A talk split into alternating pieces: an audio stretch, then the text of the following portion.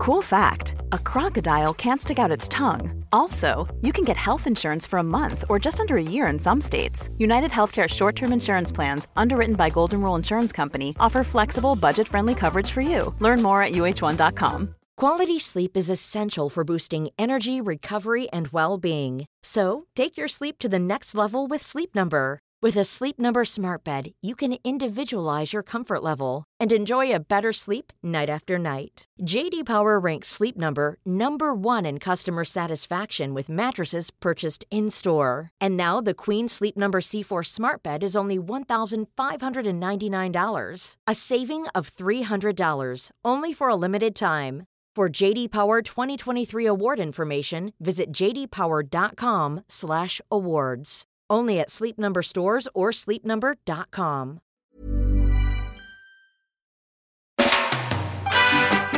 Hej och välkommen till Vänta på katastrofen!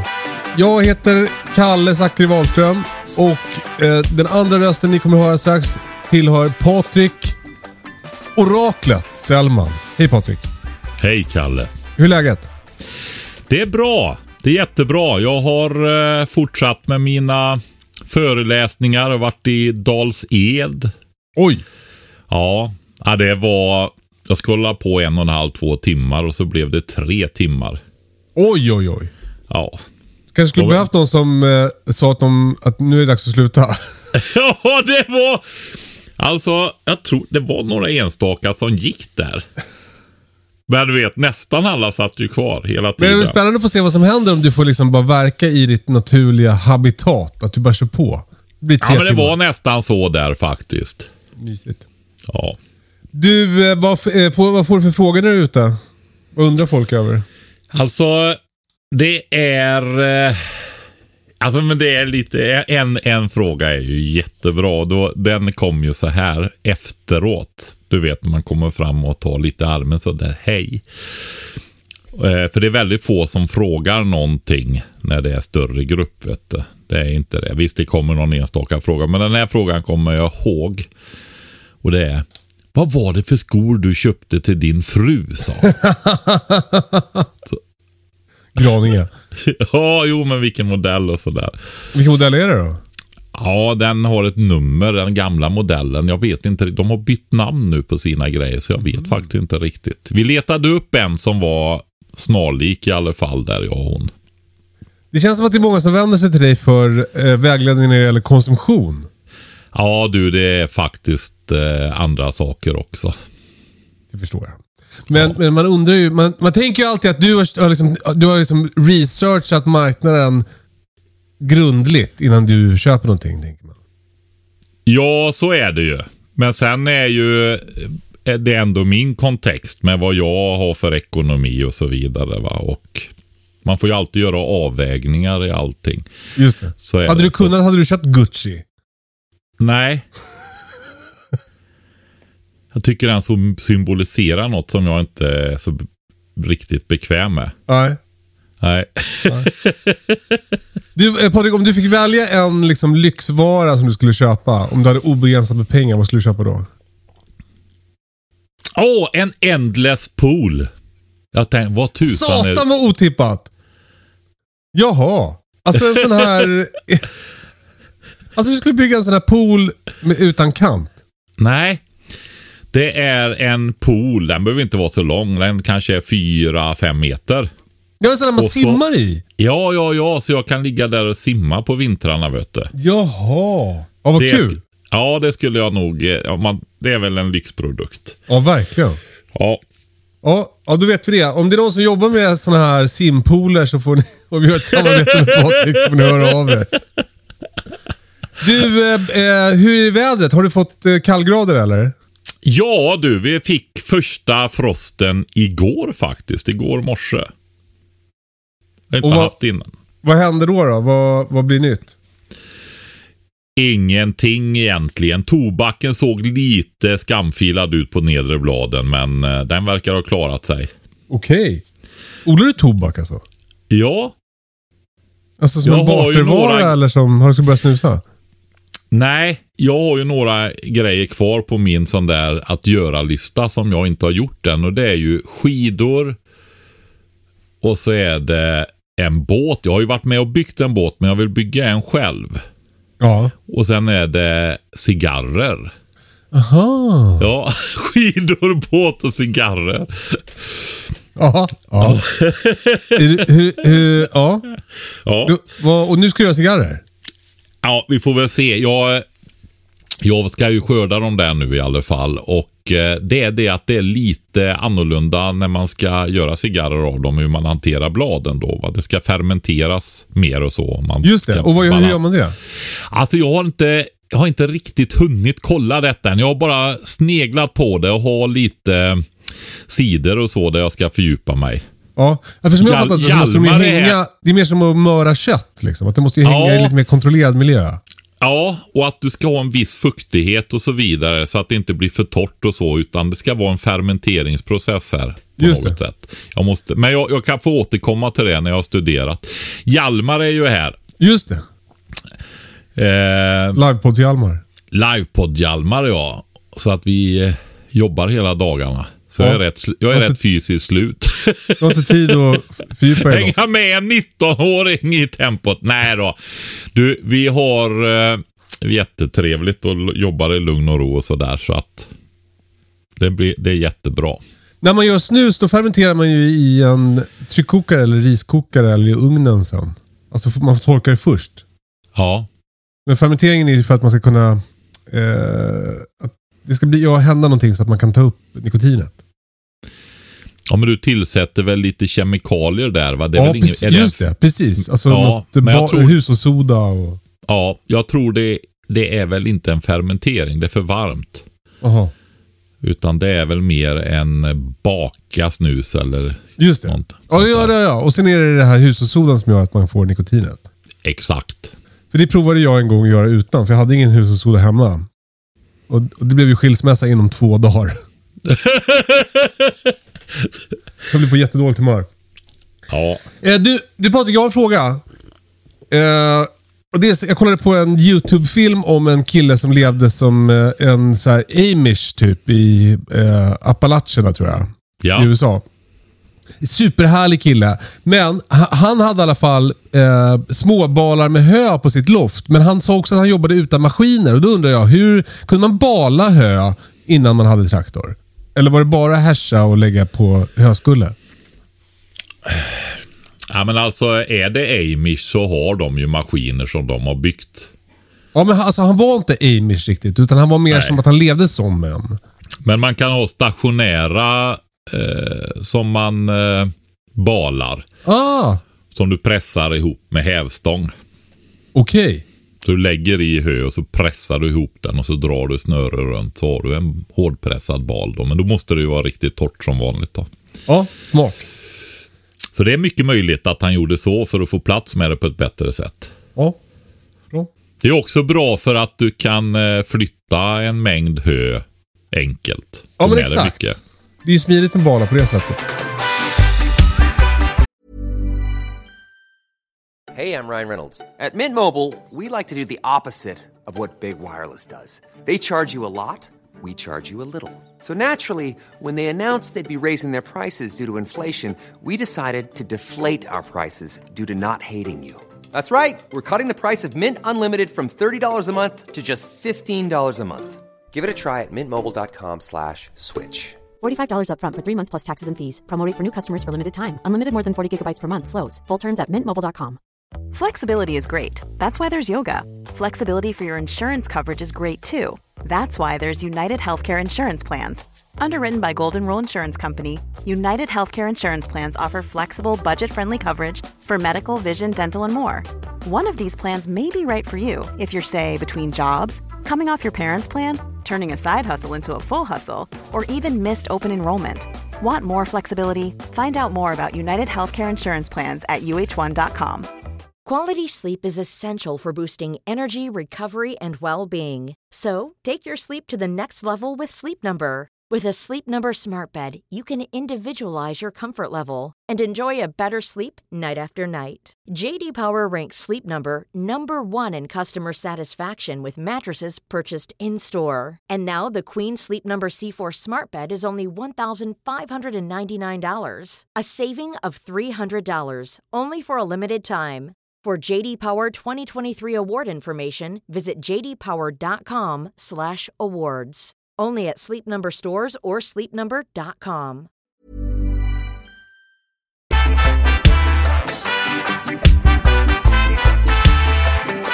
Vi har fått en fråga från Lisa. Hon har ett trädgårdsland på ungefär 10 år 10 meter med bärbuskar runt om. Hon har odlat eh, potatis, morot, kål, bönor och så, och så vidare. Eh, hon skulle behöva en paus. Alltså, undrar om det är hon eller landet. Jag tror att det är hon som behöver en paus. Kan jag göra något med landet under nästa år för att det ska jordförbättras och inte fyllas av ogräs? Om jag tar ett, ett pausår. Hur skulle ni göra om ni vill pausa en odlingsyta till ett annat år? Alltså, och, eh, till att börja med så man brukar väl säga att det ligger i träda. Mm. Det, kan man bra. göra. Ja. Men det, hon ska ju jordförbättra. Aha, aha. Träda är mer, ser jag det som, i så fall ogräsbekämpning. Okej.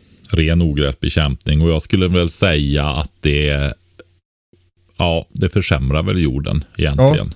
Okej, så inte träda. Utan det här är mer Nej. ett pausår.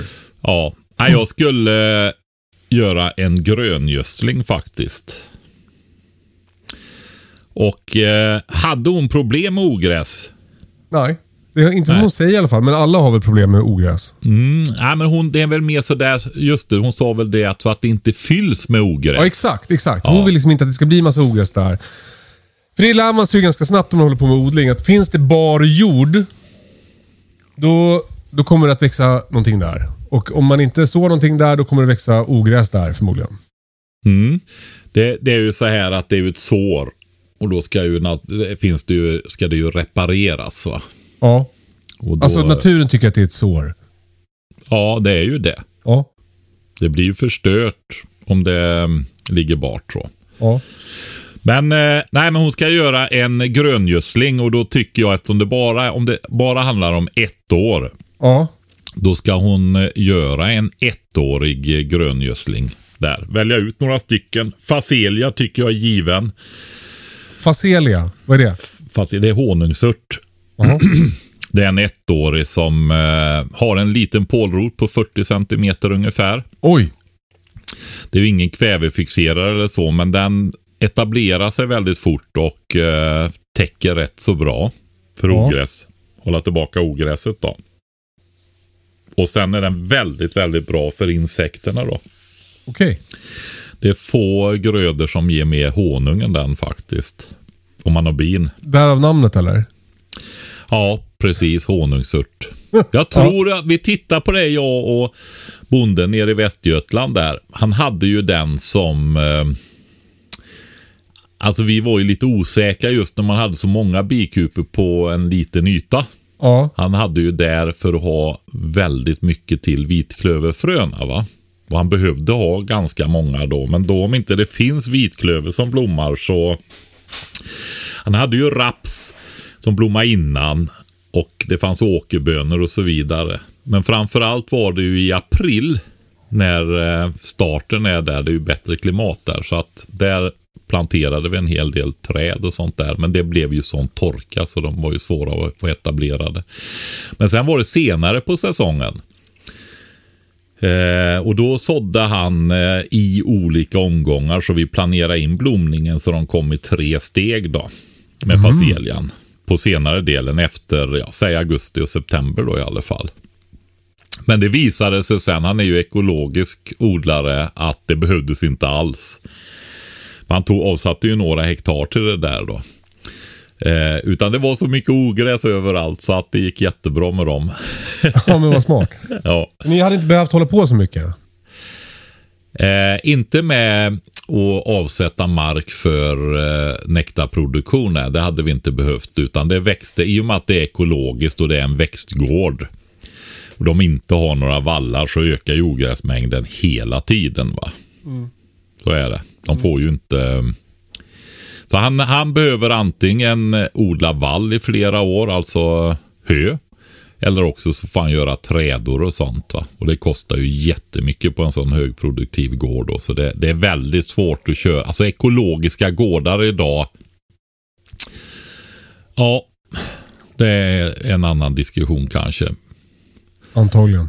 Ja, men alltså det kräver ju en mer helhet.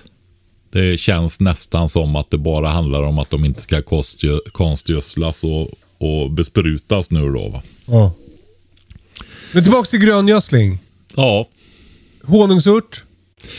Ja, eh, du har ett antal ettåriga klöversorter så ska hon ha i det också givetvis. Och hon får en eh, kvävegödslingseffekt då. Jaha. Det kan hon titta på det, ettårig klöver, för beroende på lite vad hon har för jord och, och så vidare så kan det vara lämpligt med olika sorter då. Men det finns ju persiklöver, alsikeklöver, kärringtand. Nej, kärringtand är ju flerårig då. Men det finns lite olika klöversorter som hon kan titta på det, vad som passar hennes jord och klimat och sådär.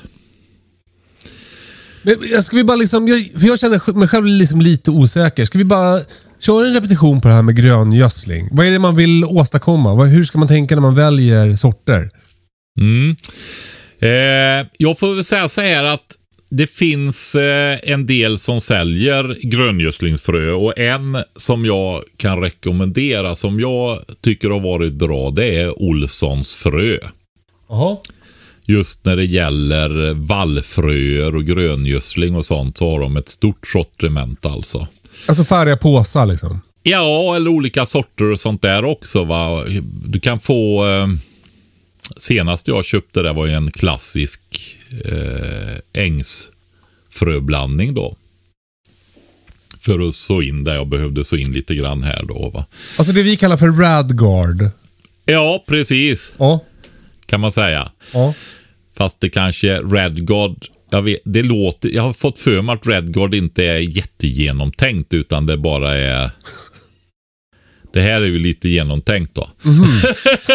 Annars kanske det just att man blandar. Nej men du vet vall, vallblandningar och betesblandningar för olika djur och för olika jordar. Och det finns allting där va. Olssons frö. Det är, Ja. jätte, det, det är en bra leverantör utav det där och de har ju hållit på jättelänge med den typen av fröer.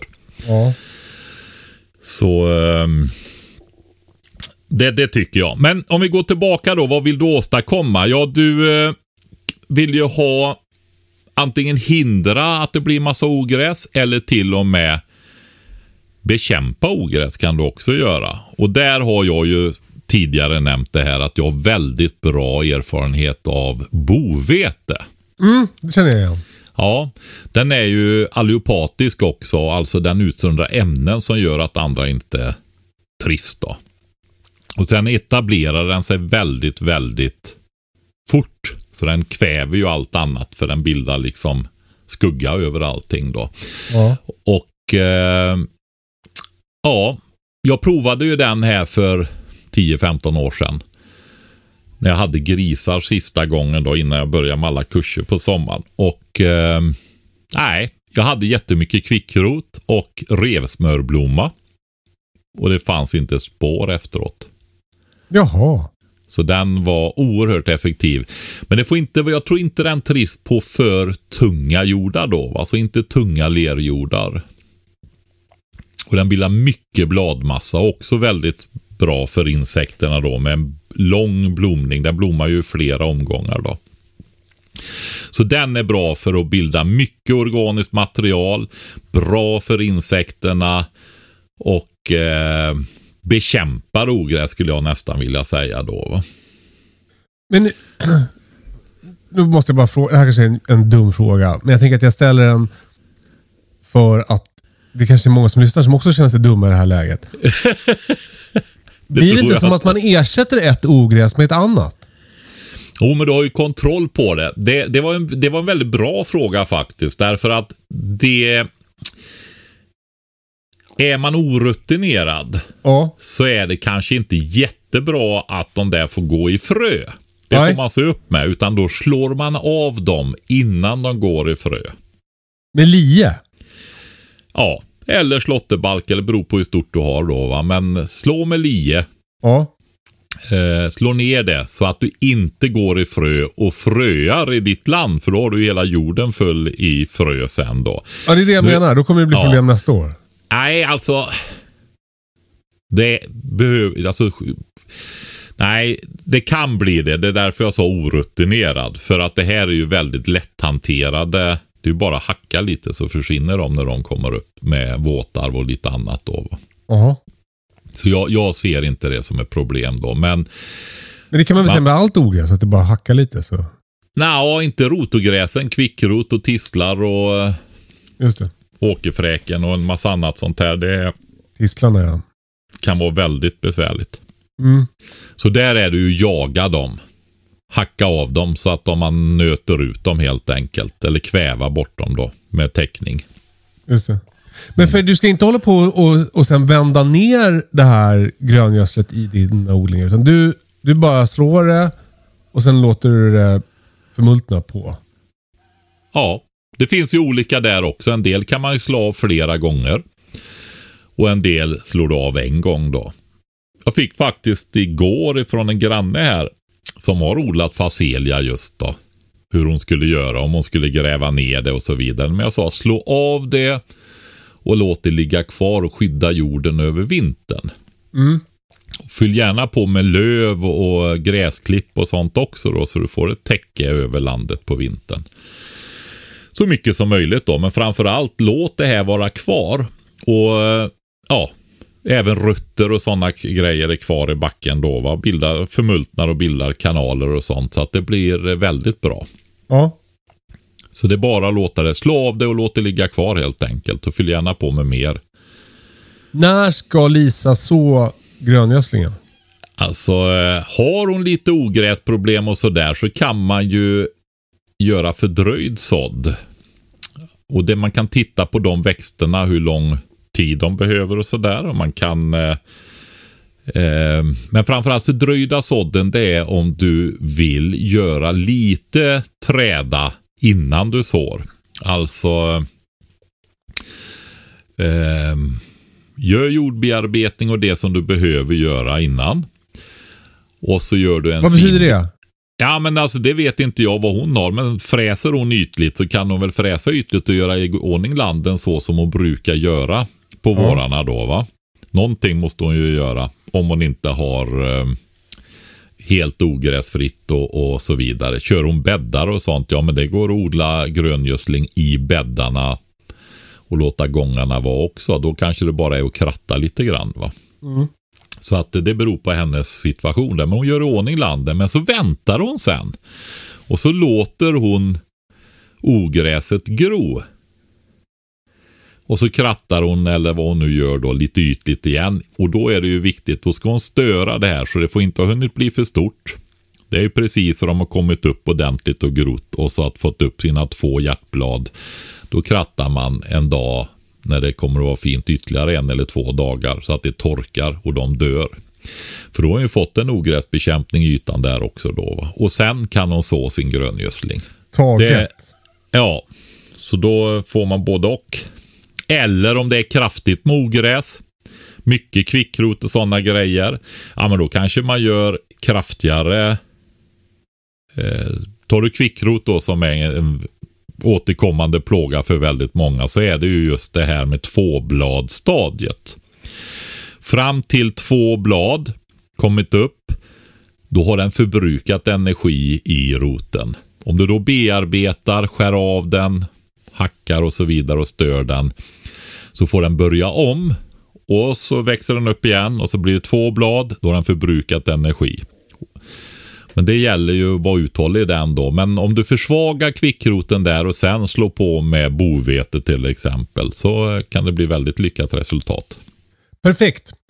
Bra svar och lycka till Lisa med din gröngödsling. Alltså det låter inte som att du får en helt, liksom, ett helt pausår. Utan du måste liksom jobba lite. Men kanske bara någon dag. Du, eh, nästa fråga kommer från Kristoffer. Han har odlat ganska mycket foderbetor men kan inte hitta poddavsnittet om vilken förvaringsmetod som funkar bäst för dem. Funkar fun, funkar det att lägga dem i lager med tidningspapper emellan? Är det ett fullgott foder för höns eller behöver man komplettera med något annat under vintern? Rasen är Wyandotte. Alltså kanske på hönsen då antar jag. Alltså vi, för oss har det blivit eh, ganska naturligt det här att faktiskt ge dem till fåren. Och även till kaninerna. Om det är några som är små så ger vi dem till kaninerna. Och det är ju så oerhört mycket blast på dem. Så eh, vi tycker det nu när betet har börjat vika här på slutet då så eh, kastar vi in helt enkelt. Vi bara rycker upp några. Ryck och kasta metoden. Ja. ja. Nej men alltså fåren älskar ju det här va. De är ju idisslare då. Så eh, beroende på hur mycket man har odlat och sånt. Men nu är, har, eh, så kanske du kan ha det som förstärkning på sensäsongen. Att det står kvar i jorden. Och eh, så matar du efterhand med det så slipper du lagra det jordkällare då. Alltså tills då- kärlen kommer är väl det. Sen måste Ja, måste, exakt, exakt. Men sen, eh, eh, jag har ju inte provat att lagra detta i källare faktiskt. Men det, skulle ju förvåna mig om det inte gick att lagra dem bra. De har ju förvarats i stuker och sådana grejer historiskt då. Så att eh, det är klart att det ska gå. Eh, exakt hur man ska förvara dem i källaren, om det ska vara... Alltså jag, jag, jag kommer ju att testa och bara lägga in dem helt enkelt i källaren. ja. Kommer jag att göra. Det som är kvar sen efter här. Så kan man säga liksom att att eh, Kristoffer då som ställer frågan, han ska prova sig fram med det här. Att han, du Alltså jag, jag har inte provat detta så jag har ju inte direkt kunskap om det. Alltså Nej. erfarenhet av det. Det är ju bra om man har det. Men jag har inte det. Men jag skulle prova att lägga dem i källaren. Ja. Och du, är det, det här är ett fullgott foder då? Till höns?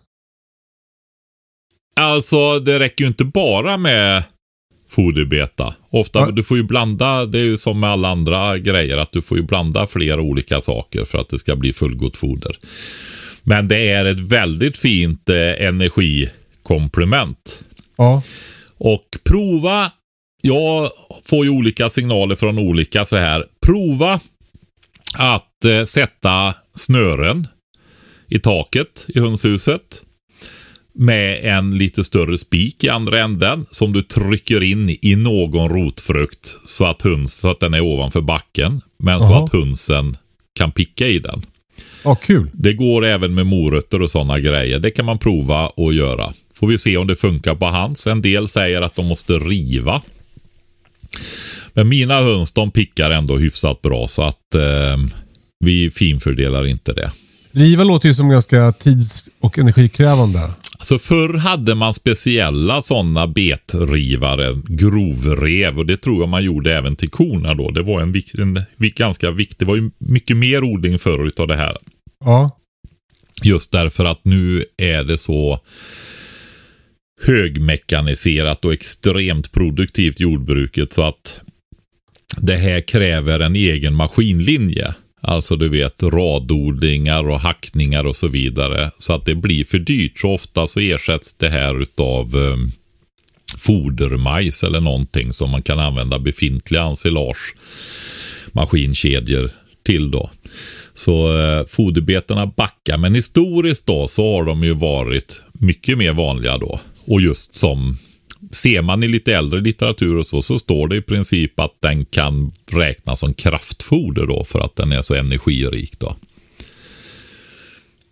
Men eh, ja, det får man titta på själv i tabeller och sånt där vad som är. Men jag tycker den är jättebra att ha som ett komplement till övrigt. Till exempel spannmål och sådana saker då. Bra tips Patrik. Nästa fråga kommer från Henrik. Eh, han håller på och letar hus och ska lämna lägenhetslivet. Eh, sitter på att ha en, en liten trädgård på 1000 till 2000 kvadratmeter. Nu sa jag liten. Förlåt. Det, kanske, det är en, en stor eh, villaträdgård. Eh, Nej, halvstor skulle jag nog säga, Kalle. Halvstor. Han undrar så här, vad ska man tänka på när det, gäller, när det kommer till markförhållanden för odling? Vid vissa hus vi har kollat på har marken mest mossa och träd som är skugga. Vilket inte känns som den bördigaste förhållandena. Ibland finns det barrträd. Så som jag har förstått det gör marken sur. Går det att komma runt sådana här problem med att fälla eventuella träd och lägga ett nytt jordlager överst? Tacksam för tips kring vad man ska leta efter och vad man ska undvika. Vad skulle du kolla på när du kommer till en... Alltså just det här. Jag har ju hört skräckhistorier om just det här när eh, det är generationsskiften i gamla villaområden och sånt där med de här fantastiska uppvuxna träden och så vidare. Så flyttar det dit någon ung liksom och fäller allt som är va. Och gör gräsmatta över alltihopa. Ja, ja. Ja. Ja men det är ju så eh, historie och kulturlöst egentligen. Man får ju göra som man vill när man äger en tomt. Men det är så liksom. Känns som det inte är någon riktig botten på det där. Alltså ett sånt äldre träd. ja. Det är ju värt väldigt, väldigt mycket. Och kan ge frukt under lång tid då. Och de är, när de är, alltså folk köper dyra småträd. Det kommer ju ta 10, 15, 20 år innan de är stora va. Beroende Ja. på. Så du är emot att fälla träd? Alltså eh, det får man väl göra om det verkligen behövs eller om de är förskräckliga. En del gamla träd är ju inte tipptopp heller då, va? eller om man ska bygga eller göra någonting sånt där. Men man ska vara väldigt försiktig. Alltså ett det är många, många, många år bakom ett stort träd och det går liksom inte att göra ogjort eller få tillbaka. Va? Så man bör ju tänka sig väldigt noga för innan man gör det. Ja. Men eh, just för odling så är det ju så här att du vill ju inte ha för mycket skugga då. Va? Men eh, det man får väl titta efter områden där det inte är så mycket skugga då. Och just som man säger att det är det mindre ytor så går det alltid att förbättra. va. Ja. Och eh, mossa, det är väl just väl den här kombinationen av att det ofta är äldre människor som säljer hus då, flyttar till lägenhet och sånt där. Och de har inte varit ute och hoppat så mycket studsmattan och spelat fotboll på gräsmattan de senaste decennierna. Nej. Nej, och då blir det ju mossa va. Alltså är mossa ett tecken på att ingen har gått på gräsmattan? Ja, bland annat då. Eh, alltså det, det, är ju, det är ju samma med beten och sånt också. Så ser du när de bara slår ner det då, alltså klipper gräsmattan va, eller slår med betesputsar och sådär för att det inte ska växa igen. Ja. Ja, men då blir det ju ett och annat strå och mossan brer ut sig va.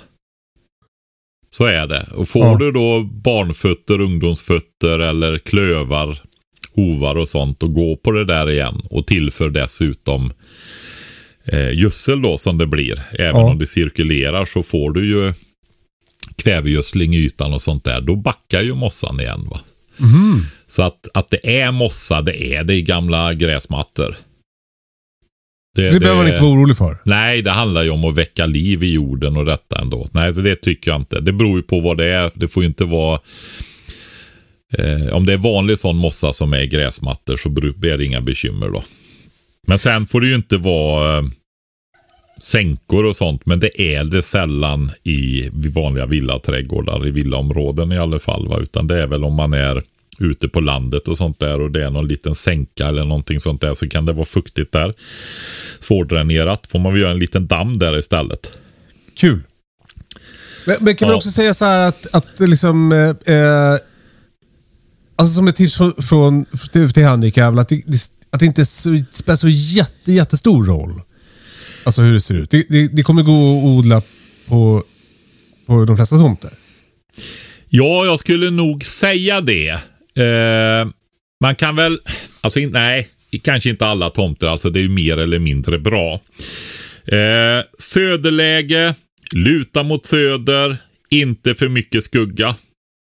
Det Sträva bästa? efter det. Ja, det är ju det bästa. Ja. Och eh, dessutom vindskyddat då. Va? Men det går ju att åstadkomma själv med plantera buskar och ja, vinbärsbuskar och skydd och sådana saker runt omkring då. Så att eh, det löser man. Så ska man ku- kunna säga liksom att, det, är- att det är bättre för Henrik att kolla, inte så mycket på hur det ser ut i gräsmattan just nu, utan kolla på vilket väderstreck tomten är, liksom tittar åt. Ja, liksom om det kanske inte är bästa stället på norrsidan av huset på tomten till exempel. Om det är där som det är, är ytor och sånt va. Som hamnar i skugga av huset och, och så. Utan försöka få en eh, sydläge, lutar det så är det bättre att det lutar åt söder än åt norr. Väster och väster är ju ofta bra, det värms upp tidigt. Eller vad säger jag, öster är bra, då värms det upp tidigt. Väster, kvällssol då lite längre där istället. Men de är ju halvbra då. om söder är bra och norr är dåligt. Just det. Och, och jag har lärt mig det där att, att morgonsolen är viktigare än eftermiddagssolen. Ja, Så Och bättre med öster än väster. ja det värmer ju upp då framförallt på marginalerna. Ja. Speciellt om du har eh, växthus och sådana saker så är det ju väldigt bra att få tidig sol i för då möter det ju kylan då på sensommaren. när, det är som kall, när det är som kallast så då blir Ja. det varmt. Precis. Okej Henrik, men du, jag fick inte riktigt svar på det här Patrik. Vad, om du skulle kolla efter ett nytt ställe, vad skulle du kolla efter då? Ja, men jag vill säga så här till han också just det där att eh, det, är det liksom på den nivån att det är villaträdgårdar och, och små trä, liten trädgårdsodling då kan vi kalla det. Även om det är några ar, alltså några hundra kvadratmeter. Så eh, går det ju alltid att fixa till jorden relativt fort. Va? Det vet ju du. Ja. Du gjorde ju det. Precis, här var det ju som en, liksom en gräsmatteöken när jag flyttade in. Det fanns ju ingenting som växte. N- Nej, och det var ju knappt någon jord heller. Det var nästan ren sand va. Ja. Och vilka grönsaker du fick redan första året. ja men det, precis. Och, det, och då, det är väl liksom... eh, det, och den här tomten är också, den, den tittar ju egentligen mot norr. Eh, och mycket av lutningen är också mot norr. Men det går ju att hitta liksom fickor av trädgården där man får mycket sol ändå. Mm. Men din, din eh, grönsaksodling som du har inhägnat där med ditt staket och så vidare nu. Den eh, har ju... Alltså huset ligger väl på Västra sidan. västra sidan. Ja, Ja. Så den ger sk- kvällsskugga då. Ja. Precis, men då har du ju öppet åt söder och åt Ja, hyfsat i eh, alla fall. Alltså när öster. solen står högt så har jag, eh, har jag, har jag södersol. Men, men det är träd 50 meter bort. Så när, när solen står lägre då, då, då blir det skugga. Ja. Vilket tar ut sig då på, eh, på hösten då. Ja. Precis. Mm. Men nu känner man sig rätt klar med odlingen ändå. Ja, exakt. Det är tur det är vinter så man hinner bli sugen igen till våren. så är det med Snart är det dags biodlingen att så. ju. Fan, det är skitstressigt där. Nej, januari.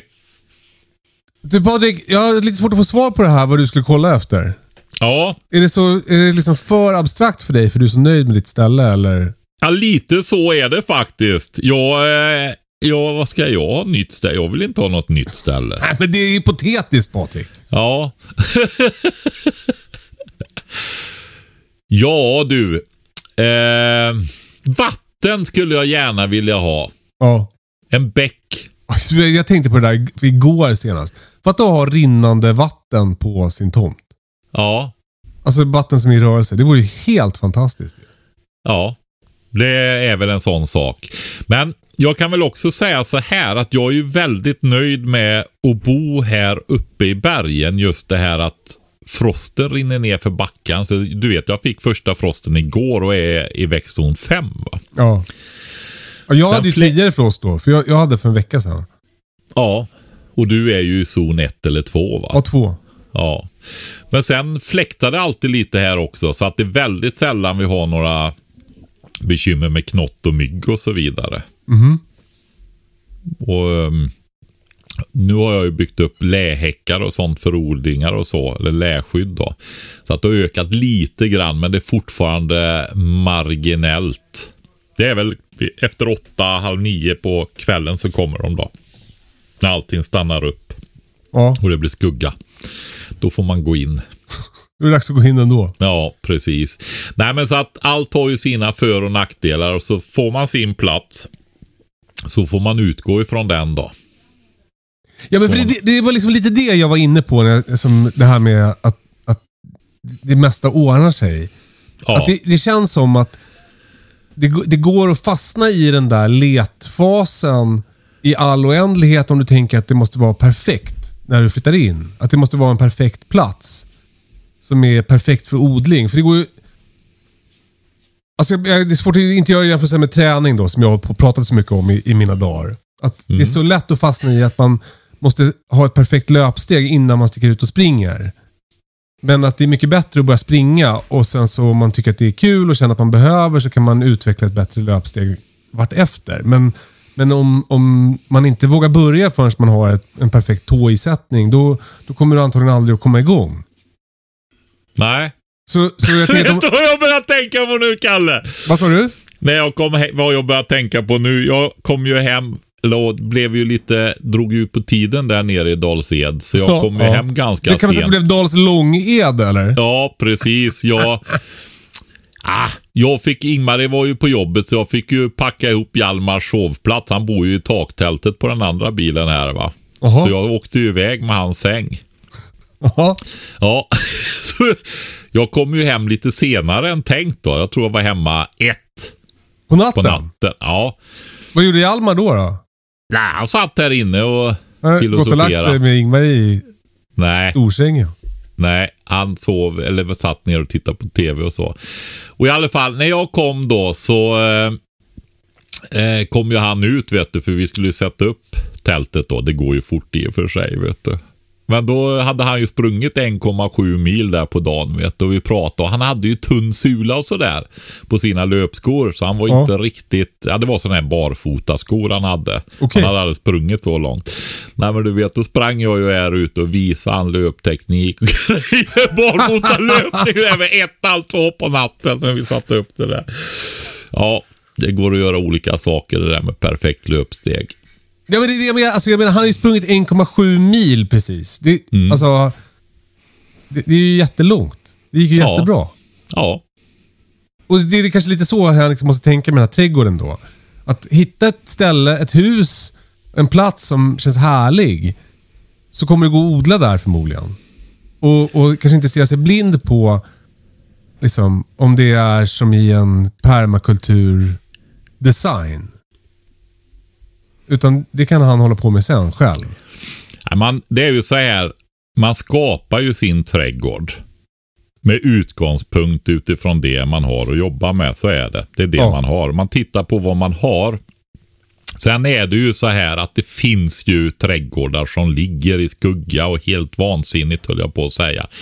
De får man ju undvika liksom då. Du vet stora granar eh, på grannens tomt som skuggar halva dagen eller hela dagen och allt möjligt. Ja, stora hus eller Ja, det finns ju tokiga trädgårdar, så är det ju. Ja. Och det, det får man ju undvika då. Det handlar ju oftast antingen om att det är dåligt dränerat eller mycket hällar, alltså berghällar.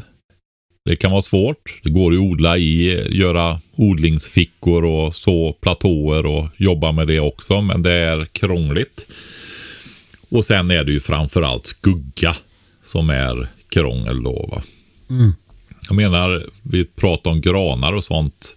När det är mindre ytor, det är ju ingen kostnad att eh, höja pH med hjälp av kal- kalk och sådana grejer heller. Va? Eller tillföra jord och så. Det, det funkar ju om man vill det. ja. Så är det. Kanske lite mer jobb då. Ja, eller också så eh, odlar man gröngödsling, tillför organiskt material, bygger upp jorden på det viset då. Va? Jordlivet och humusen och så vidare. Ja. Så Ja, min det- svärmor är inspirerande så, för de, de har en, en, en ganska ny tomt med, de har byggt ett hus på i, som, är, som är en väldigt tydlig så här, skogstomt. Ja, Men hon är ju väldigt eh, odlingsintresserad. Så, så hon letar efter en sån skogstomt där hon bygger liksom i så här bergskrevor så lägger hon gamla löv och bygger jord långsamt. Och så här. Det är jätte... men Det är mycket jobb då.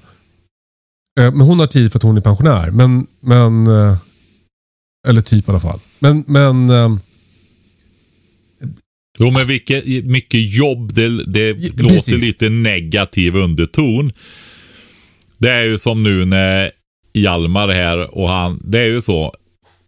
Jag har ju hur mycket jobb som helst. ja. Ligger ju all, som jag brukar säga, ligger ju alltid 5-10 år efter. Det kommer jag göra när jag dör också förmodligen. ja. Och nej, men Jag har ju alltid hur mycket som helst att göra. Och det gäller ju bara att förhålla sig till det. Alltså man har, det är bara att jobba på och ha kul. Man måste ju älska att göra det där då. Det förmodar jag att din svärmor gör då va. ja. Alltså, nej. När allt var perfekt när jag flyttade hit så jag måste åka och spela golf istället. Ja, det, det är lite vad man vill hålla på med. ja, men exakt. Ja, men så tänk att få skapa och jobba med att skapa bördighet. Ja. Du har en plats och så ditt arbete gör att det blir mer liv där. Exakt det håller jag på med på gården här. Du känner också det ja? Ja, exakt det där. Du känner igen känslan? Ja, ja det är ju en jättebelönande känsla. Ja, och det, grejen är så här. Det, när de var här nu, småbrukarna, på sista så på lördagen fick de ju se päronträden. Jag har ju sex olika päronsorter i trädgården här. Då. Ett, ett träd med tre olika sorter i då av inläggningspäron. Det är gråpäron, Esperens herre och Göteborgs diamant. Då. Men sen har jag ju tre stycken andra päronträd som jag gjorde för vad det nu är 12-13 år sedan kanske. Och eh, de har ju vuxit upp nu och börjat bära frukt och det är ju sån här, du vet, drömmen om päronet. Stora, fina päron som man knappt kan köpa i affären alltså.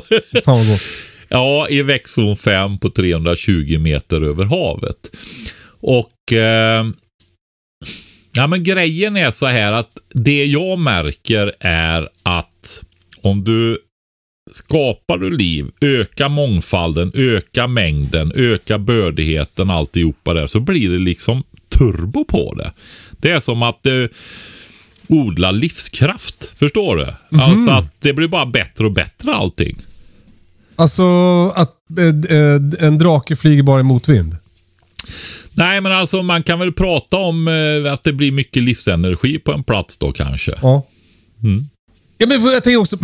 alltså vi kanske är klara med det här. Jag, jag, jag tänker också på... eh, vi- Alltså vi ska få det här liksom, eh, eh, franska rucklet nu. Och jag håller på och säger så här...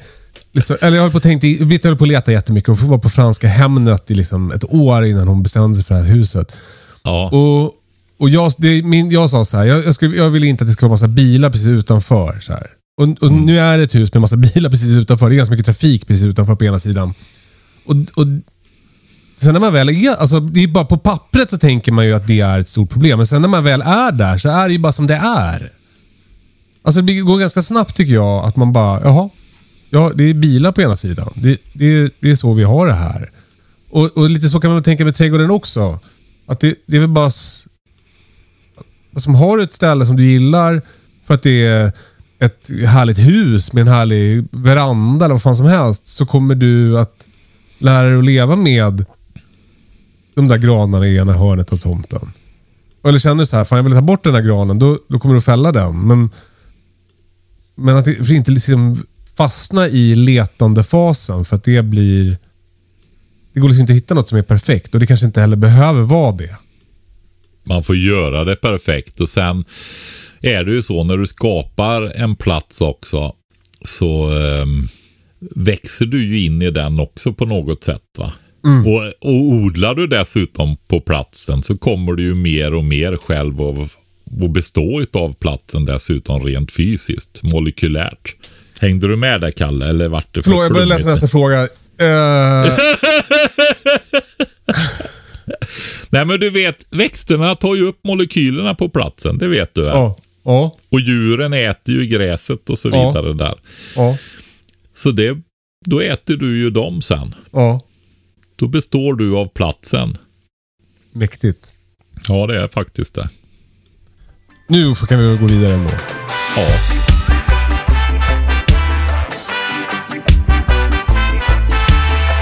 Nästa fråga kommer från Emil.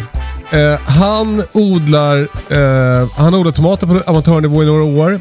Han brukar ha ungefär 7-10 planter och få mer tomater än jag hinner äta. I år har jag ännu fler plantor, men det blir inga tomater. Jag odlar i mitt lilla växthus. 4,5 gånger 2 meter. Plantorna bara växer och växer. Skulle jag rätta ut dem nu så blir de nästan 4 meter långa. De växer till taket och sen vänder de ner igen och gör en loop. Men inga frukter! Jag klippte av toppen så att de skulle hinna, så de skulle sluta växa tänkte jag. Eh, vad beror detta på? Har det hänt er? Från Emil. Alltså det där är ju en sån där fråga. Alltså det är ju, är ju så här att det är ju någonting som skadar. Eller för äter upp blommorna va. Måste det ju vara. Och det är inte det där att han måste skaka plantorna så att de blir pollinerade eller något sånt där? Nej, men han måste ju få någon Ja. tomat. Ja. Alltså det är väl mer fråga om att få bättre pollinering det där alltså. Okej. Eh, det måste ju vara någonting som eh, skadar. Jag vet faktiskt inte vad det är heller. Va? Det, det är ju inte så att jag sitter och specialstuderar ohyrekapitlet och sjukdomskapitlet. Utan händer det någonting då kollar jag det om jag tycker det är tillräckligt viktigt. Annars struntar jag i det också och gör något roligt istället. Ja, men, men så, för han säger ju inte här om han ser några blommor, men du gissar att han inte ser några blommor? Alltså i alla fall inte några pistiller. Nej. Alltså de här som sticker ut mitt i som ska få pollen på sig och bli befruktade då. Va?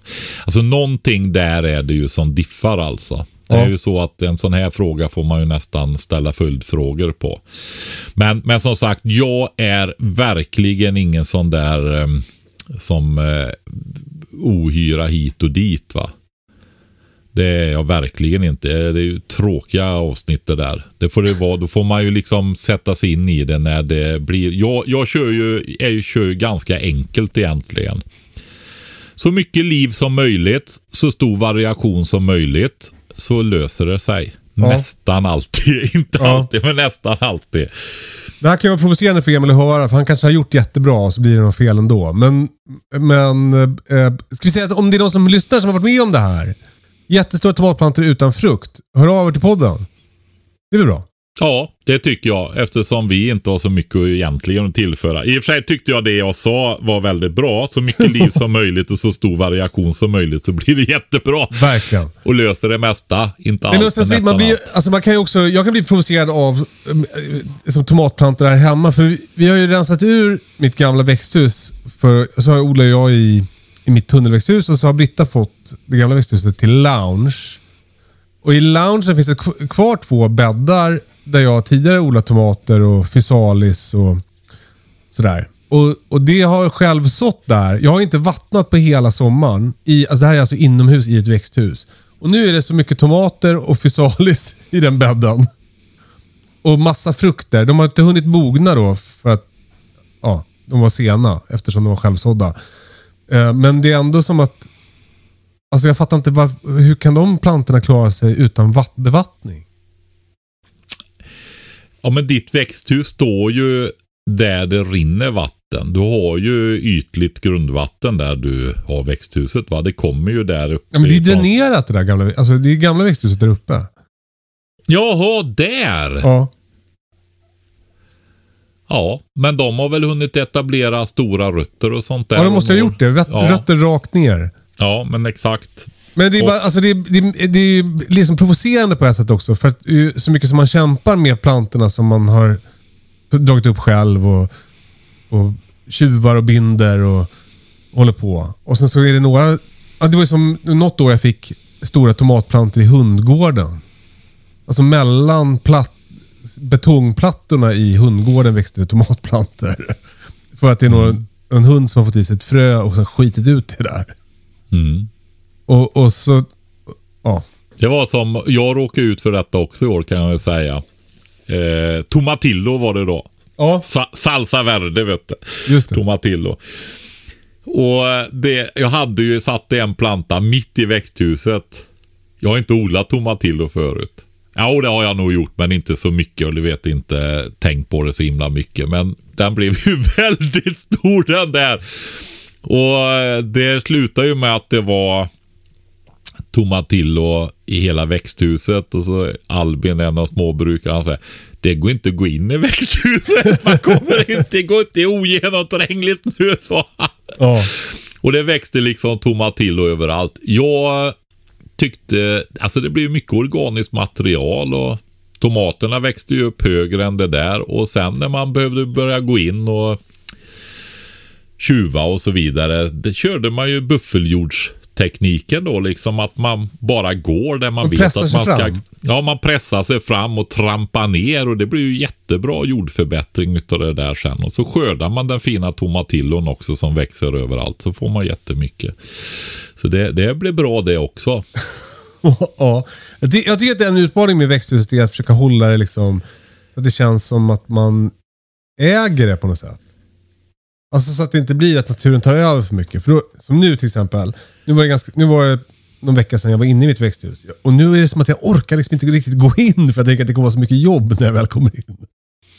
Alltså, jag... det- Alltså det där är olika personligheter också, kan jag tänka lite grann. Eh, alltså jag har ju prövat alla möjliga omöjliga sätt att odla på. Och jag, jag ser ju, du har ju lagt ner jättemycket energi på dina bäddar och det är brädor och gångar och det är flis och det är allt möjligt där inne så mycket jobb liksom. Och sen blir det liksom det här att det är ändå organiserat på något sätt också. Så då liksom krävs det lite att det sköts också. Så är det. Och skiter man i alltihopa det där och bara har jord i växthuset. Så eh, blir det mycket mindre jobb och så löser det sig istället. Ja, du tänker så. Ja. Ja men alltså du får ju hålla efter ogräs och sådär så inte det tar över givetvis. Va? Men, ja, men just som det här med tomatillon, det var ju inget stort problem. Det var ju bara att trampa ner det och så blev det jättebra eh, jordförbättring istället. va. Men jag vet också, det kräver ju bara att jag går in i växthuset och är där i 20 minuter så kommer det ju vara mitt igen. Men just nu Ja. känns det som att det är tomaten. Ja. Du Patrik, nu ger vi oss. Stort tack för idag.